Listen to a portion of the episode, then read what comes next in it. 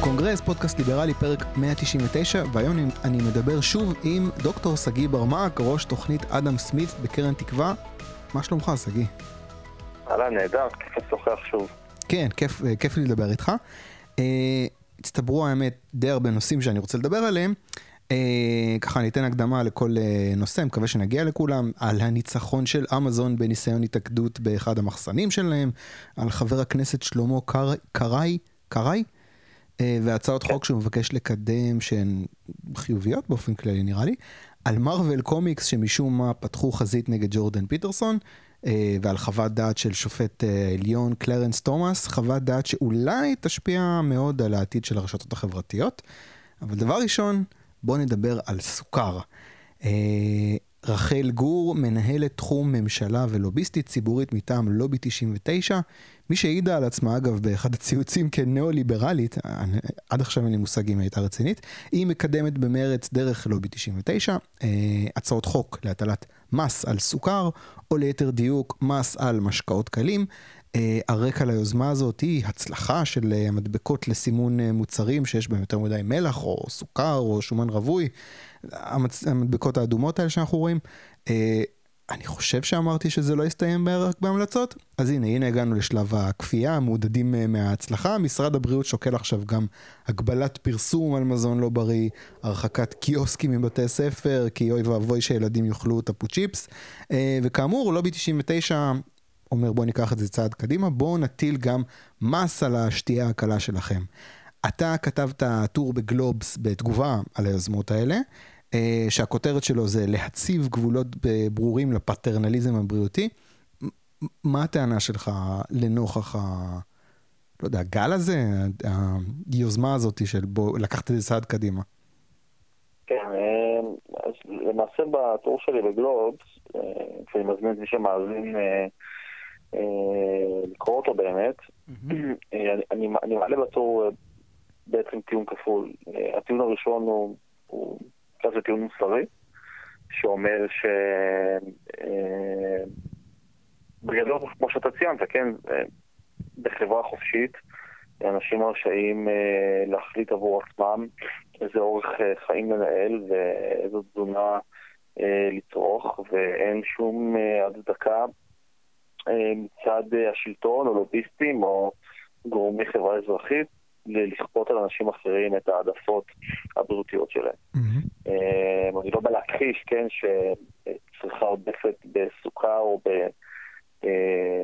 בדברים אחרים עלולה להזיק לבריאות, כן? Mm-hmm. אלא שבאופן עקרוני מותר לאנשים בוגרים ובגירים ורציונליים להחליט שוואלה, אולי הם מעדיפים לנהל אורח חיים שהוא פחות בריא ממה שצד ג' היה חושב שהוא אה, אורח החיים האופטימלי. כן, אני, אני ביום העצמאות אכלתי הרבה מאוד אה, אה, בשר לא בריא, על האש, ושתיתי בירה מאוד לא בריאה, ווואלה, נכון. כן, זכותי, בן אדם מבוגר. אם אני אשלם על זה, נכון. אז אה, ידעתי למה אני נכנס. בדיוק, אז אה, זה אולי מצד אחד. אה, הטיעון השני, שקצת נתן לי קצת בתגובות שאני קיבלתי, mm-hmm. שזה באמת מעניין למה, זה באמת דווקא אה, טיעון שהוא לא מוסרי, אלא טיעון מהזווית של אה, בלבול, שאני חושב שלובי אה, 99 חוטאים בו בין אה, ידע כללי לבין ידע של אה, מה שהייק אה, מכנה כידע של נסיבות של זמן ומקום. כלומר, ההיגד אה, צריכה עודפת אה, של סוכר עם הזיקה יכול להיות בהחלט נכון כהיבט אה, כללי.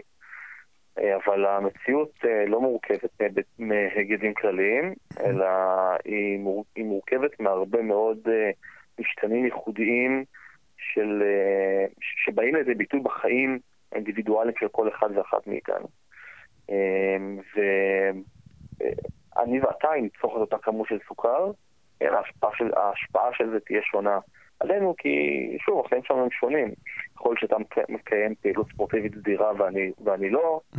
יכול להיות שאתה צורך, אה, אה, שאתה, שאתה מנהל אה, דיאטה כזאת או אחרת, ואני מנהל, ואני מנהל דיאטה אחרת, וכולי וכולי וכולי, ולכן הגידים כלליים לאו דווקא מספרים לנו משהו אה, על, אה, על ההשפעות הממשיות של אה, עוד כפית סוכר על החיים שלך או על החיים שלי. כן, אוקיי, רגע, אבל אני מבין את הטיעון, אני אקח רגע את הצד של לובי 99 ואני אגיד לך, mm-hmm. כן, אתה צודק, יש אנשים שלשתות את ה... קולה שלהם או את המיץ תפוזים שלהם, לא יעשה להם כלום, אבל מה לעשות, אנחנו לא יכולים עכשיו להחליט בשביל כל אחד ככה. באופן כללי אנחנו יודעים שיש די הרבה אנשים שזה לא טוב להם, אז נאסור לכולם, מה לעשות. ועל הדרך נפגע גם בכמה אנשים ש, שהיו יכולים אה, אה, לספוג את זה. אז מה תגיד לזה? אז שוב, אם אנחנו בוחרים להסתכל על החברה האנושית כסוג של אגרגט, כן? אם אנחנו רוצים לבצע בסוף האחדה סטטיסטית של השונות הגדולה ש, שלמעשה מרכיבה את החיים שלנו. Mm-hmm. כמובן שאפשר לעשות את זה, ויכול להיות שאם אנחנו רוצים, רוצים אה, אה, לנסח מדיניות ציבורית, יכול להיות גם שאין לנו ברירה אלא לעשות את זה. Mm-hmm. רק שפה כן יש לנו ברירה, כן? כלומר, אנחנו לא, לא מדברים פה... כלומר, מדינת ישראל תמשיך להתקיים גם אם לא תהיה אף רגולציה על סוכר. Mm-hmm. אה, אז אני, אני חושב שיש פה באמת צורת הסתכלות קולקטיביסטית, אה, ובסוף גם שנורא חוטאת המציאות בכל מה שנוגע למדיניות ציבורית אה, ובכלל. אגב, אנחנו לא מסתכלים ככה כשאנחנו מדברים, מדברים על המשפחה שלנו. אם שאתה תחשוב על, על איך תא משפחתי מתנהל, נכון? Mm-hmm. הורים לא מתייחסים לילדים שלהם כטוב, הם, הם, הם, הם סוג של אה, אה, ישויות זהות, אלא בדיוק להפך. זה בא לידי ביטוי בצורה הכי טובה אפילו בטח שאנחנו מפעילים להם סנדוויצ'ים בבוקר, כן? אחת אוהבת אה, סנדוויץ' עם חמת בוטנים, והילד השני אוהב כריך עם אה, גבינה, והשלישי כריך עם שוקולד. ואנחנו מנסים אה, לבטא את ההתאמות הנחוצות לכל אה, אחד ואחת מהילדים. אבל משום מה שאנחנו באים לדבר על מיליוני אנשים, כן, אז פתאום אנחנו נכנסים לתחום של סטטיסטיקה. אני לא, אתה יודע, אני לא אוהב את הכיוון הזה, כי אתה מציע, אתה בעצם אומר, חברים, תהיו פטרנליסטים קצת יותר אה, בצורה יעילה. אני לא אוהב את הכיוון הזה. לא, לא, אני טוען למעשה שקשה מאוד, עד בלתי אפשרי אולי, להיות פטרנליסטים בצורה יעילה, מהשנייה שמבינים שהחברה, באמת, חברת המונים, של מיליוני אנשים, שכל אחד ואחת הוא באמת ייחודי אה, בחיים שהוא מנהל, בהעדפות שלו, ברצונות שלו, בעולם הערכים הסובייקטיביים שלו, במטען הגנטי שלו. יש כל כך הרבה משתנים שכשאתה אה, בא באמת לתכנן מדיניות ציבורית הולמת, נורא נורא קשה לקלוע בול. אז אה, שוב, בסוף מסתמכים על, על מספרים גדולים, כן? Mm-hmm. עושים בדיקות של כמה סוכר הישראלים, כן? צורכים, אפשר להשוות את זה לכמה הגרמנים צורכים, או הבריטים צורכים, אבל בסוף הישראלים הם לא קבוצה אחודה, ויש, ויש, ויש ישראלים שמנהלים אורח חיים לא בריא, יש הרבה מאוד ישראלים אחרים שמנהלים אורח חיים בריא, mm-hmm. ויש הרבה מאוד באמצע, הרבה מאוד אפור, כן? כן. אה, והדברים האלה באמת קל מאוד לטשטש אותם ולהתעלם מהם. כן, אני שם לב, אגב, אה, כשאתה מתייחס לנושא הזה, אתה, אני מניח, אה, אני, אני רואה אותך כ, כמישהו שמגיע מאסכולה שמרנית, וכמישהו שמרן, אתה מעלה, אתה פה מעלה טיעונים שהם uh, קצת uh, uh, בצד המוסרי של אתם לא תגידו לאנשים מה לעשות, אבל גם בצד הפרקטי של תקשיבו, זה פשוט לא יעבוד. Uh, אתה יודע, אני הרבה יותר מתפתה, לה, במיוחד בנושא כזה, אני הרבה יותר מתפתה, לה, באופן כללי אני אוהב לתת uh, טיעונים uh, uh, מוסריים. אה, ולהגיד, וואלה, תקשיבו, אתם לא תגידו לי פשוט מה לאכול. זכותי לאכול מה שאני רוצה, גם אם זה יגרום לי נזק. אה, זכותי לעשן מה שאני רוצה, לשתות מה שאני רוצה. אני לא פוגע באף אחד מלבד בעצמי, ת, ת, תעזבו אותי, תצאו לי מהווריד. אתה לא חושב נגיד בסוגיה כזאת, אתה באמת עושה איזושהי מחשבה של, אתה יודע, באיזה סט טיעונים אני אשתמש, האם אני אשתמש עכשיו בעניין מוסרי או בעניין של uh, סטטיסטיקה, או שכאילו אתה בכל מקרה מערבב? אני, אני, אני, אגיד ככה, אני חושב שבבסיס כל הדברים יש את העמדה המוסרית והנורמטיבית שלנו, שאני מביא לה הרבה מאוד חשיבות, היא מאוד החשיבות העליונה, אמ, ודווקא בדיונים הללו באמת יש את הנטייה איכשהו למסמס את זה. באמת, כשקוראים את המאמר שכתבתי בגלובס, אז אני חושב ש-75-80% ממה שכתבתי באמת נשען על הטיעון, כן, שכל אחד מאיתנו הוא הבעלים של עצמו, mm-hmm. וכל אנחנו לא אה, מזיקים אה, לאנשים אחרים, כן, צריך להבין לנו את החופש המרבי פשוט לחיות את החיים שלנו. Mm-hmm. ולחלוטין מסכים איתך, ואני חושב שגם כל טיעון מוסרי צריך להתחיל באמת מה, מההפ, ההפנמה הזאת, שהחברה הישראלית מורכבת מאינדיבידואלים נפרדים ושונים. כן? שכל אחד מהם הוא אה, תכלית בפני עצמה שמנהל את החיים שלו באופן שהוא מוצא לנכון, וככה צריך להסתכל על זה.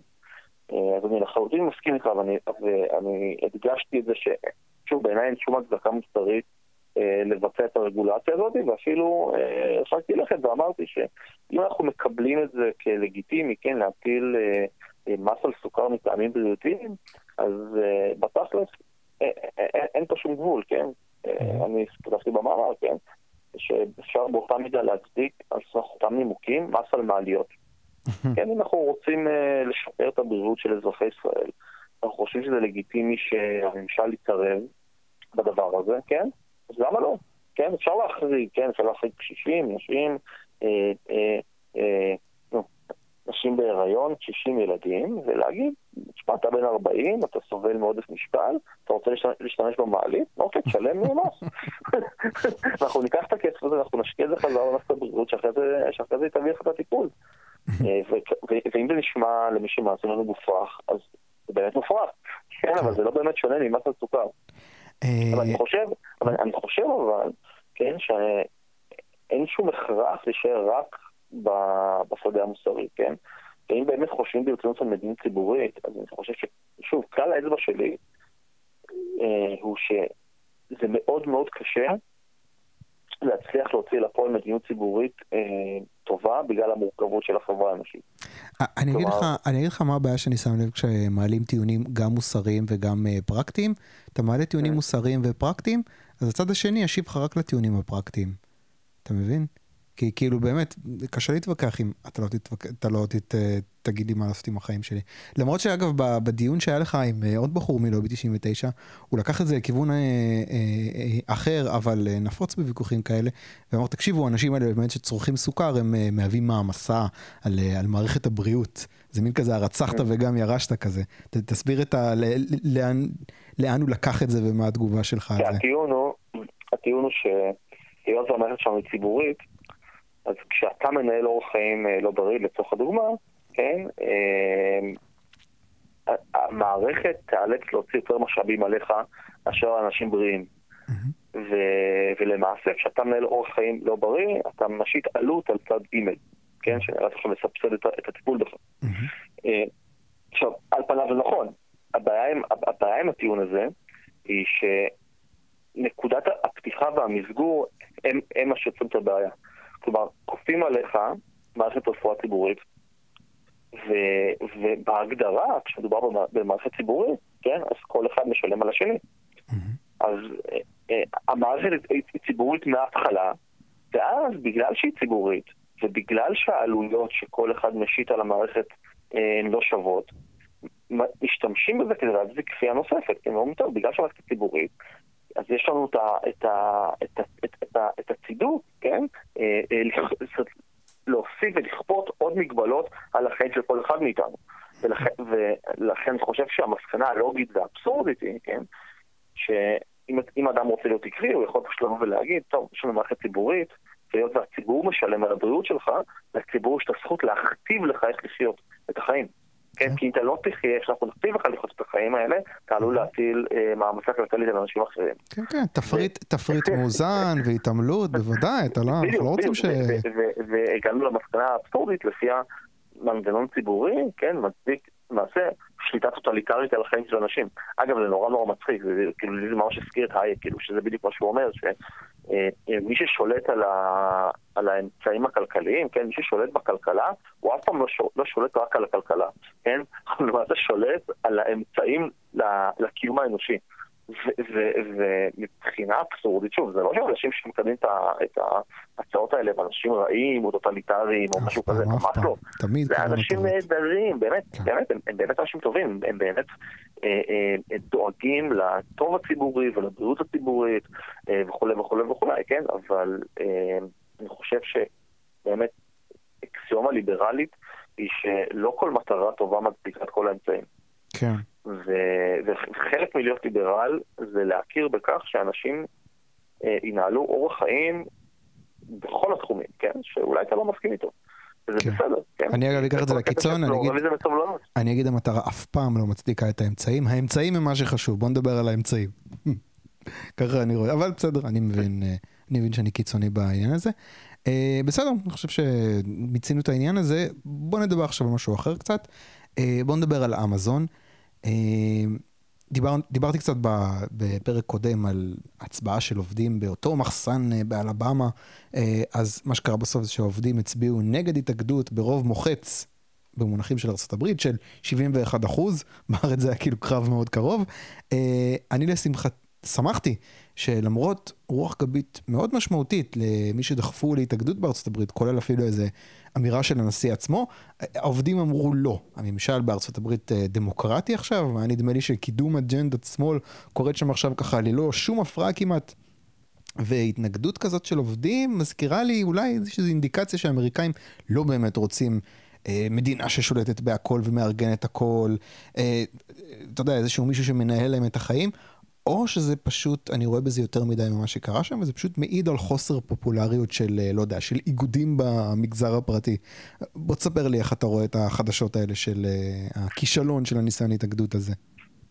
אה, אני חושב שהמקום טוב להתחיל זה באמת במה שאתה הצבעת עליו, זה ההתגייסות של הממסד הדמוקרטי למען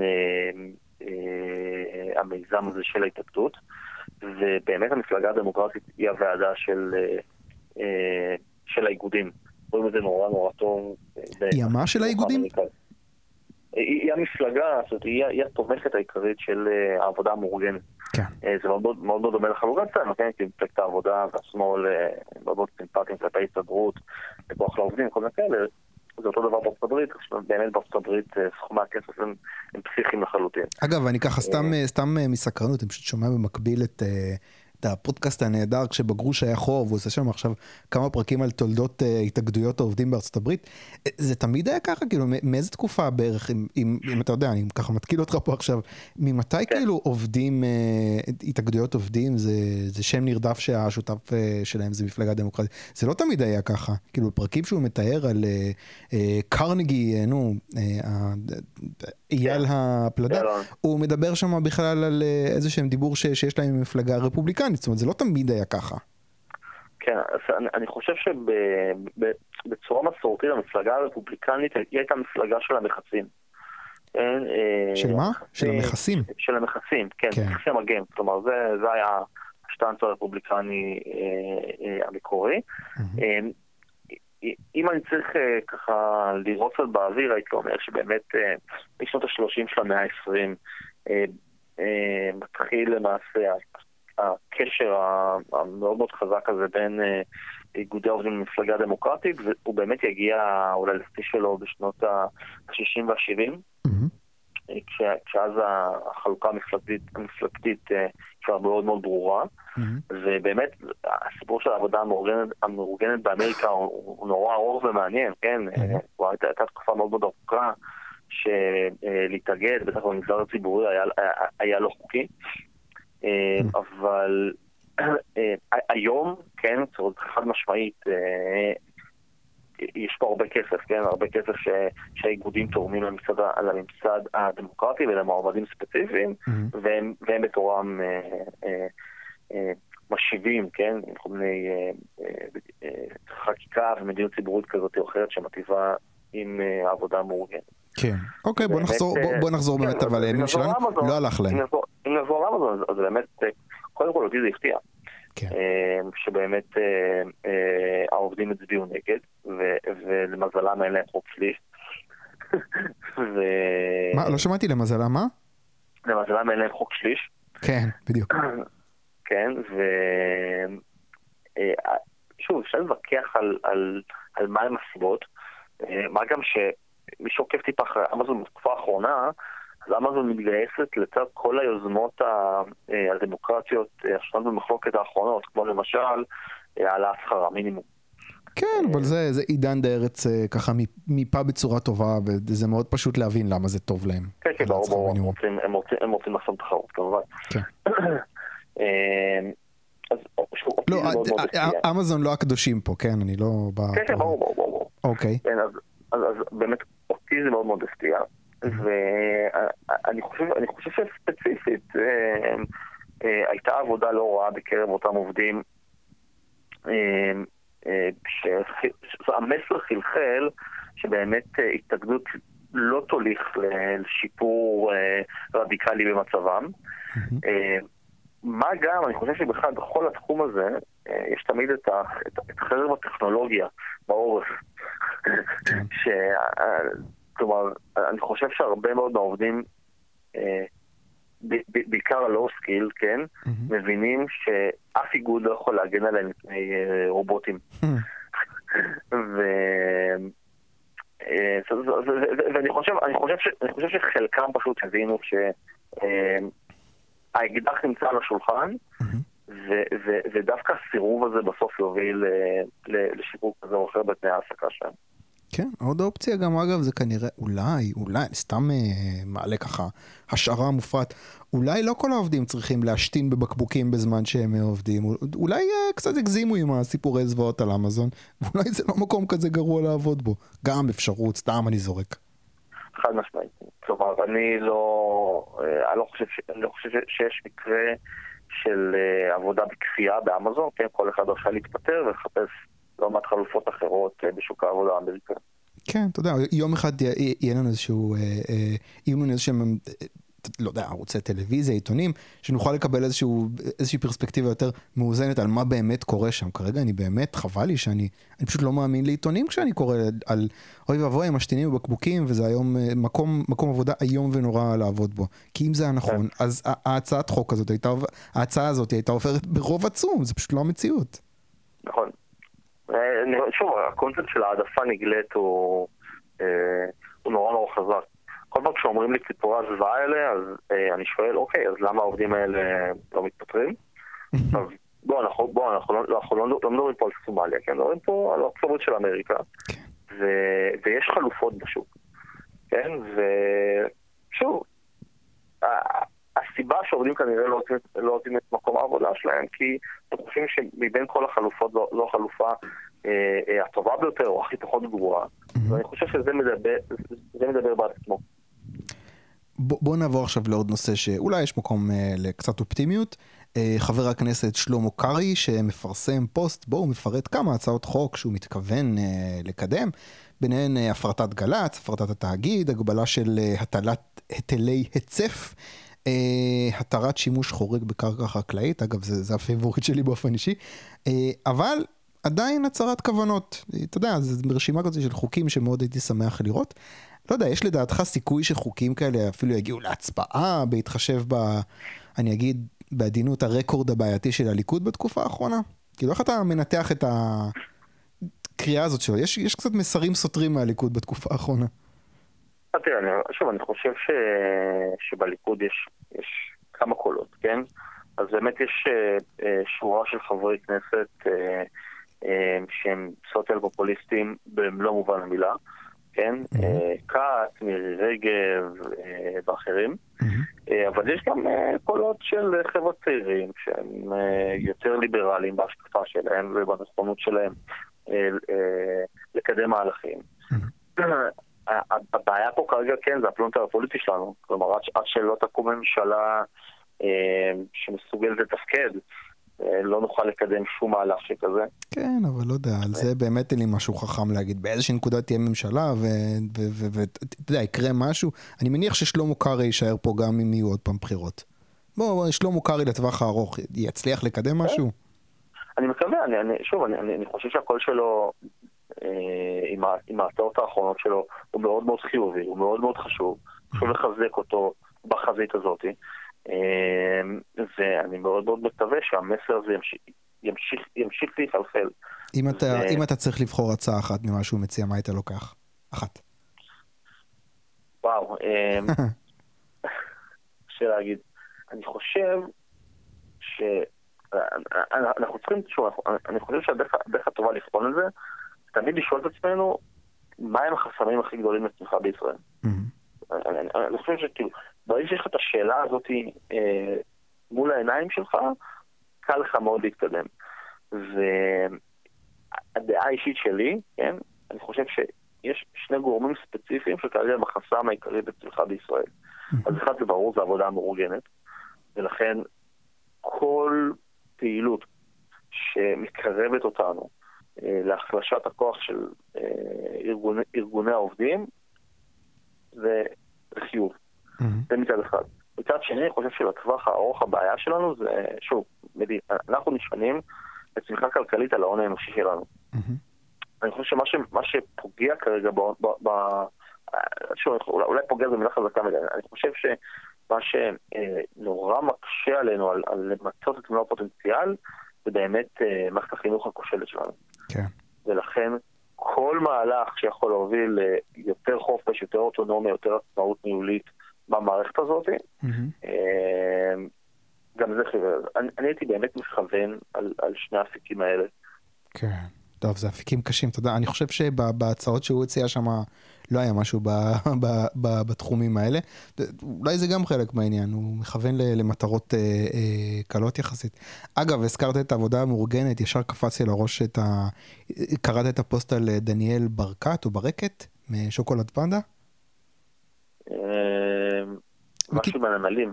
כן, כן, שהוא הזמין סחורה. לפני uh, כמה חודשים, היא הייתה אמורה להגיע תוך יומיים, בינתיים כבר כמה חודשים היא לא מגיעה, uh, ועידן דרץ כתב על זה פוסט uh, יפה, אז הוא אומר, בגדול אפשר לפתור את הפקק הזה של ספינות שמחכות בכניסה לישראל, אם פשוט תביאו עוד עובדים שיתגברו. אבל לא, ההסתדרות נעמדת על הרגליים האחוריות, לא להכניס שום עובדים זמניים. כי פשוט, אתה יודע, זה כזה תקדים מסוכן כזה, מה אם, מה אם עכשיו נכניס תחרות בתחום הזה, אוי ואבוי. כן, ברור, קבוצת לחץ אינטרסנטית שחושבת רק על האינטרס שלה וממש ממש לא מזיז לאינטרס הציבורי.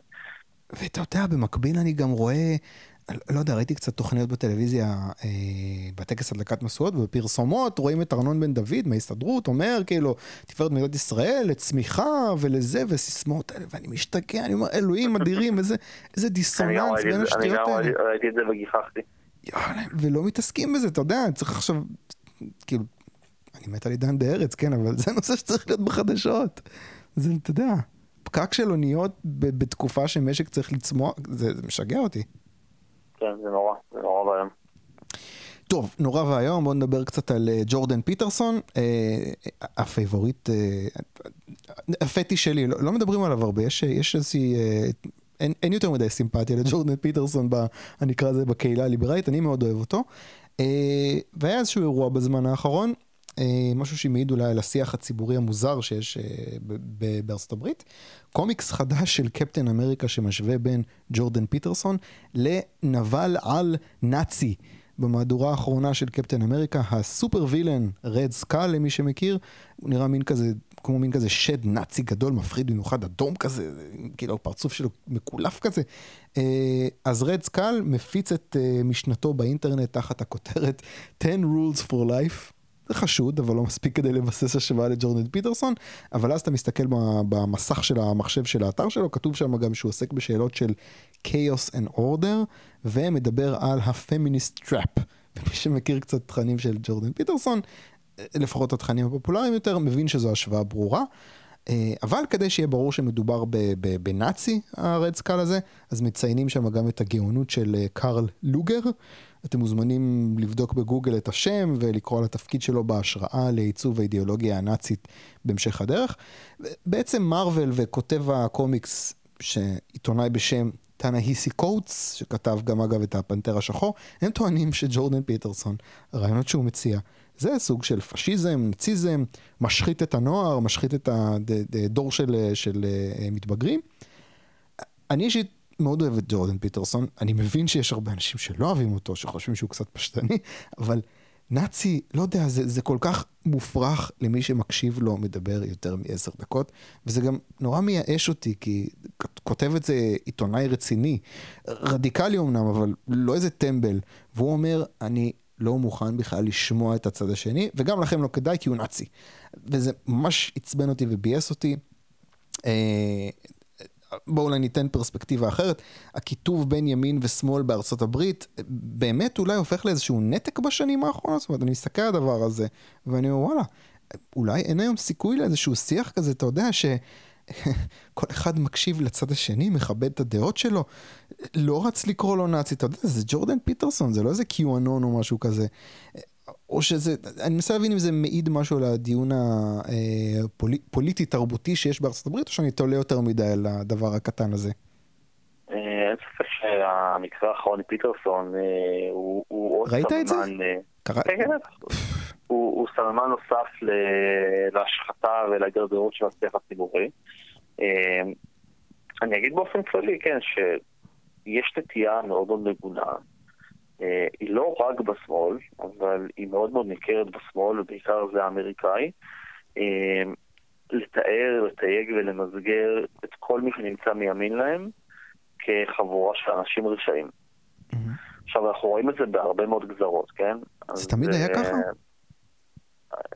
אני, אני חושב שכן, אני חושב, אני חושב שזו איזושהי נטייה אולי פסיכולוגית שלנו כבני אדם לייחס מניעים של אה, רוע ורשע לאנשים שלא מסכימים איתנו. אני כן אגיד אבל שאין לי שום ספק שרף הרגישות, כן, mm-hmm. וה, והקלות שבביצוע ההגבלות אה, הללו אה, אה, מאוד מאוד גבר בשנים האחרונות. Mm-hmm. ויש פחות ופחות לגיטימציה וסובלנות, כן, באמת אפילו אה, לתת לצד השני אה, אה, את, את החופש ההוגן וההגון להשמיע את העמדה שלו. ורואים את זה לא רק פיטרסון, כן? למעשה עם, עם רוב האנשים אה, אה, השמרנים, כן? יש נטייה לתייג אותם או כגזענים, דוגמה טובה זה צ'ארלס מרי, כן? או כאימפריאליסטים, אז דוגמה טובה זה ניל פרגוסון, או נאצים, שזה ג'ורדן פיטרסון, או תיאוקרטים, שזה כל מיני עורקים אה, אה, אה, בעלי אוריינטציה דתית, כמו, פדמים למשל, אז, אה, או טראמפ, כן? אפילו טראמפ עצמו, כן? שזה סוג של, אה, לא יודע, פשיסט פופוליסטי. אה, אז, אז, אז אני יכול להביא לך תיוג ומסגור לכל אה, דמות ציבורית רצינית מהמחנה, הש... מהמחנה השמרני. כמובן מחרחרי, מלחמה, זו דוגמה טובה, mm-hmm. שהצמידו לרייגן. כן? או שנאת עניים תהומית וקיצונית, אה, שנניח, כאילו לתאצ'ר דווקא, כן? נניח באנגליה. אה, אז שוב, זה לא חדש, אבל אין, אין שום ספק שזה הולך ומקצין עם הזמן. ו... אני, אני אגיד לך מה משגע אותי קצת בעניין של פיטרסון, כי כאילו בסדר, רייגן, תאצ'ר, בוש, אלה אנשים שבאמת, לא יודע, יושבים מיד על השלטר, הם נשיא, ראש ממשלה, אני יכול להבין כאילו את המאבק נגדם. אבל פיטרסון, אתה יודע, כולה מרצה באוניברסיטה הוא היה. הם יגידו לך שהוא יותר מסוכן. אבל אתה מקשיב לו, תשמע, אני מקשיב לו, אני באמת, יש לי קילומטראז' מאוד ארוך. לא- למה העיתונאים הכריחו את סוקרטס לשתות כוס תרעלה? אבל הוא לא, הוא לא, אני אומר... כמו שאתה אומר, סוקרטס לא היה, הוא לא היה פריקלס, הוא לא היה לא פוליטיקאי יווני, נכון? סוקרטס, החטא שלו היה הרבה יותר גדול. כן? הוא ערער את היסודות המוסריים והרעיוניים, כן, של החברה, ובעיקר של הנוער. כן, הרי מה פיטרסון עושה? פיטרסון הרי ההשפעה שלו היא הרבה יותר מרחיקת לכת מההשפעה של פוליטיקאי ממוצע ורגיל, כן? פיטרסון הוא למעשה חותר תחת כל המסד הרעיוני שהצד השני הציב. אבל אתה יודע, אם אני מקשיב לו במשך אה, כמה שעות, אני מנסה, אתה יודע, אני מנסה לשייך אותו לאחד המחנות, הוא לא שמרן אפילו, הוא לא אובייקטיביסט, הוא לא, הוא לא קפיטל... הוא באמת, הוא לא מקדם איזושהי אג'נדה ברורה, זאת אומרת, אם אני הייתי צריך ממש לפרוט אותו ל, ל, ל, לפוליטיקה, אני לא יכול להגיד שהוא כאילו, אתה יודע, הוא לא היה, אם, אם, אם, אם אה, היית פורט אותו לאיזשהו ייצוג פוליטי, אני ממש לא בטוח שהוא מקדם רעיונות של ימין או שמאל, הוא מין כזה משהו, לא יודע, קשה לסווג אותו, בגלל זה כל כך מתסכל אותי לא, ש... אני חושב שהפילוסופיה, פילוסופת החיים שלו, אה, יש בה אלמנטים שמרנים מאוד מאוד חזקים. לא משנה אם אתה מסכים, זה לא עניין של האם אני מסכים איתם או לא, כן, אם אני צריך... אה, אם אני צריך לתאר אותה, כן? אני חושב ש... כל הדגש החזק שהוא מציב אה, על אחריות אישית, כן? אה, אה, על סדר, על היררכיות וכולי וכולי וכולי, כן, אני חושב שמאוד מאוד קל להוציא מזה ולהצביע פה וגם לקחת אלמנטים מאוד מאוד שמרנים. אבל הוא גם מדבר המון על הסכנות באי שוויון. זה ממש, הוא מדבר על זה הרבה. הוא אומר אי שוויון זה דבר לא טוב, וכאילו יש פה איזו רמיזה שאולי צריך לעשות משהו קשה לשים אותו בצד השמרני. בסדר, כאילו, אבל אה, אתה רואה בצורה מאוד מאוד טובה, כן, איזה צד כן מאמץ אותו וכן מביא לו... זה נכון. כן, בדיוק, כלומר, זה, לא יודע, אולי אקדמאים יכולים להתווכח, כמו שאתה אומר עכשיו, כן, למצוא ניואנסים בדברים שלו. אבל יש, אתה יודע, התפלגות טבעית, אתה, אתה ישר רואה מי מאמץ את מי. כן, כן. טוב, זה מאוד מבאס אותי. אני אגב, הוא, הוא לקח את זה, ניסה לקחת את זה למקום חיובי, הוא מתחיל עכשיו לייצר מרצ'. אני אמריקאי טוב. נהדר, אני הזמנתי את החולצה כבר, אני מבטיח שכשהיא תגיע אני יעלה תמונה בפייסבוק עם החולצה. בוא נדבר עכשיו על קלרנס תומאס, שמשחרר אולי את הרסן של כותבים ברשתות חברתיות. הוא מבקש אולי לקדם איזושהי השוואה של מעמדן של הרשתות החברתיות למשהו כמו ספקיות של תשתית. אז השופט קלרנס תומאס כתב חוות דעת כנספח לפסק דין שעוסק ב... עסק באיזושהי חסימה של משתמש ספציפי בטוויטר. יש דיון בארצות הברית סביב האחריות של הרשתות החברתיות על התוכן שנכתב בהן, הרשתות החברתיות טוענים, אנחנו פלטפורמה, אנחנו לא מו"ל, אנחנו לא מוציאים לאור, אה, כפלטפורמה אנחנו לא אחראים לשטויות שמישהו יכתוב שם, וקליינס תומאס, בגדול, אם הבנתי נכון מה שהוא כתב שם, הוא אומר, יש עוד צד, צד לעניין הזה של ה, אה, להיות אה, פלטפורמה. אם מדובר פה בתשתית כמו קו טלפון, אז אם אתם פלטפורמה, אסור לכם לצנזר תוכן מסוים. או במילים אחרות, זו חוות דעת שיכולה לסלול אה, דרך לחקיקה שבעצם עלולה לאסור על פייסבוק וטוויטר לחסום משתמשים. עכשיו, אני קראתי כתבה שעומר כביר כתב על הנושא אה, בכלכליסט, והוא ציין שלדעתו זה יהפוך את הפלטפורמות לגיהנום של גזענות, שנאה, הסתה, פורנו, הארדקור וכל מה שרע ומגעיל בעולם, סגור ציטוט. מה אתה אומר? קודם כל, החקיקה הזאת ברשתות חברתיות, לאן זה הולך? זאת אומרת, כרגע הממשל דמוקרטי, גם הבית הלבן, גם בקונגרס, אני לא רואה אותם מוותרים על הרצון שלהם לשלוט אה, על השיח ברשתות החברתיות. אולי אבל בעתיד מתישהו זה יקרה. ומצד, כאילו, החוות דעת הזאת מחכה, תחכה, אולי כבר, אתה יודע, עוד שנתיים יהיה שינוי של כוחות אה, בקונגרס.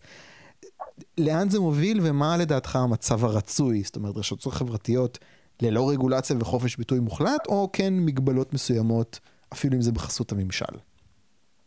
אני חושב שאנחנו צריכים לדבוק בכספית הכי פחות גרוע.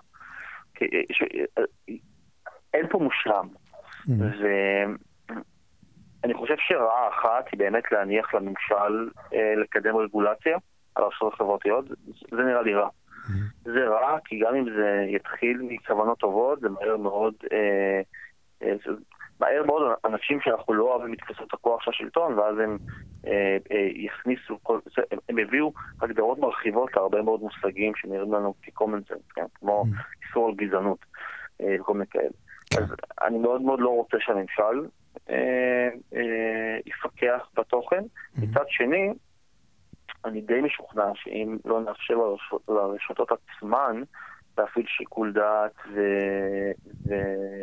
ולהוריד אה, מסרים שהם באמת כאילו, נקרא לזה מופקרים, באמת הרשתות יהפכו להיות גיהנום. אה, כי באמת, אם אסור להם להוריד שום דבר, אז אנשים ינצלו את זה. כן. ופשוט הרשתות יהפכו להיות מקום שפשוט בלתי נסבל להיות. אז זה באמת מטיל הרבה מאוד אחריות והרבה מאוד אה, אה, מיומנות והכרח להפעיל שיקול דעת על הכתפיים, על הכתפיים של הרשתות. והבעיה של הימין עם, עם, עם הדבר הזה, זה שבאמת נראה שההטיה שלהם היא הטיה שמאלנית, כן? אז הם משתיקים אנשים ימניים שפופולריים. Mm. נראה לי שהמזור היחיד לדבר הזה זה באמת להבטיח שקיימת כניסה חופשית לכל התחום הזה, כן? כדי שתמיד חרב ואיום בתחרות יופעל על החברות הללו. כן. היה רגע משעשע כזה, היה רגע משעשע כזה באמת כשסביב החסימה של טראמפ, שכולם כאילו קפצו פתאום למיווי וכל מיני רשתות חברתיות כזה, לשתי כן, דקות כולם היו שם, כן זה נגמר, אבל, אבל עצם כן. זה שכאילו שזה כל כך פשוט, זה אומר שכאילו זה, זה החרב באמת. כן, אני, אני מאוד לא מקווה שהרשתות החברתיות יגיעו מתישהו לתובנה המאוד מאוד פשוטה של מייקל ג'ורדן, שהוא מוכר נעליים, כן? Mm. ו... והרבה באו לג'ורדן ואמרו, למה אתה לא, למה לא שומעים אותך פוליטית וכל מיני כאלה, והוא אמר, תראו, גם רפובליקנים קונים נעליים. ואני חושב שזה באמת המסר הכי נכון, שהייתי מאוד מאוד שמח עם, עם ה... לא יודע, עם, עם, עם, עם איך קוראים לו? דורסי וצוקרברג, כאילו. אני חושב, אני חושב שהמציאות די קרובה לזה, זאת אומרת, מעבר לכל היחסי ציבור אה, שהם עושים, אה, לדעתי מסיבות פוליטיות, סך הכל, אם אתה מנסה לקדם אה, רעיונות אה, ימניים בפייסבוק ויוטיוב, ואתה לא יותר מדי כאילו בוטה, אתה יכול. זאת אומרת, כן, בוא, כן, כל ה... אני עושה את זה כל הזמן. כן, הנה, בבקשה, אתה יודע, כל המהפכה הליברלית במרכאות, בחסות פייסבוק, זה לא היה קורה בלעדיהם. נכון, אני, אפילו כתבתי על זה. הזכרנו את הבית משפט אה, העליון. אה, יש מי שאומרים שביידן משתעשע ברעיון להרחיב את שורות בית המשפט העליון, מה שנקרא באנגלית to pack the courts, כדי שיוכל למנות שם עוד אה, שופטים, ממשל דמוקרטי ממנה שופטים, יש לזה השלכות. אתה טוען שזה לא כל כך כדאי לו, מה הכוונה? מה, מה התכוונת? למה לא כדאי לו? אחלה הזדמנות. כן, הבעיה עם, עם קודפקינג זה שברגע שאתה עושה את זה, זה די ברור שהצד השני גם יעשה את זה כשהוא, רק יצליח. אז אתה למעשה לא פותר, לא, לא פותר פה שום בעיה. מה גם שבאמת מדובר, האחרון שהשתעשע ברעיון הזה היה רוזוולט. רוזוולט רצה לקדם מדיניות פרוגרסיבית, מאוד מאוד, מאוד, מאוד דומה לביידן, ובית המשפט בתקופתו היה מאוד מאוד אקטיביסטי, בוא נקרא לזה ככה, כן? כלומר, הוא, הוא באמת עשה לו את המוות וביטל לו לא מעט חקיקה שהוא ביקש להעביר. ובשלב מסוים, כל זה קורה כן כשהאומה נמצאת בשפק כלכלי חסר תקדים, ואז רוזוולט למעשה אומר לשופטים, אוקיי, תראו, אם אתם, אם אתם תמשיכו להיצמד ללשון של החוקה, כלומר, תמשיכו לעשות את מה שאתם צריכים לעשות, אני פשוט ארחיב את מספר, את מספר השופטים ואני אהפוך אתכם למיעוט. ובאמת, בשום מקום בחוקה לא כותב כמה שופטים צריכים לשבת בבית המשפט. והשופטים הבינו את זה, הם הבינו את האיום, והתחילו להתיישר לפי הקו של רוזן.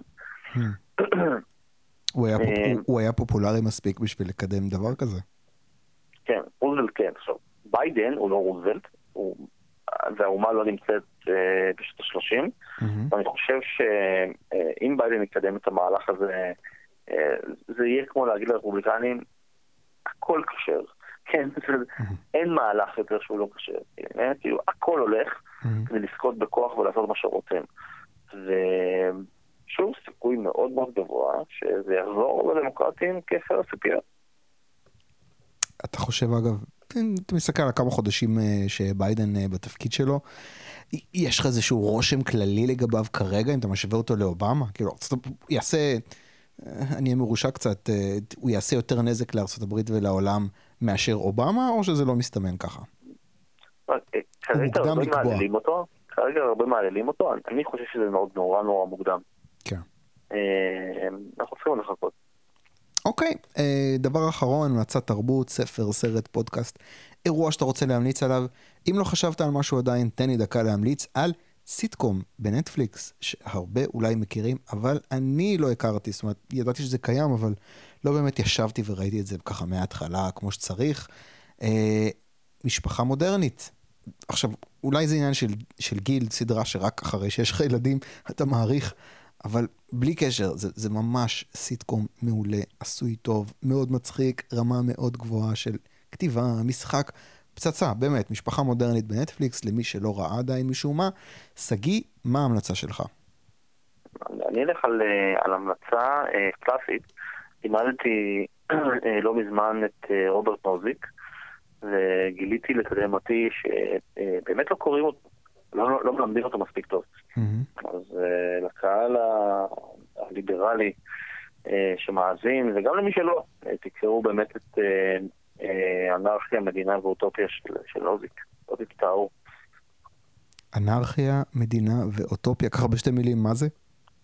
זה, זה כאילו המאגנום אופוס שלו, זה כאילו הספר, אולי זה הספר הליברטריאני החשוב ביותר שיצא של המאה ה-20. ובאמת אה, רוברט נוזיק, הפילוסוף שכתב אותו. אוקיי, רוברט נוזיק, אנרכיה, מדינה ואוטופיה. שגיא ברמק, תודה רבה. תודה רבה. תודה רבה לשגיא ברמק, וניפגש בעוד שבועיים בפרק ה-200 של הקונגרס. ביי ביי.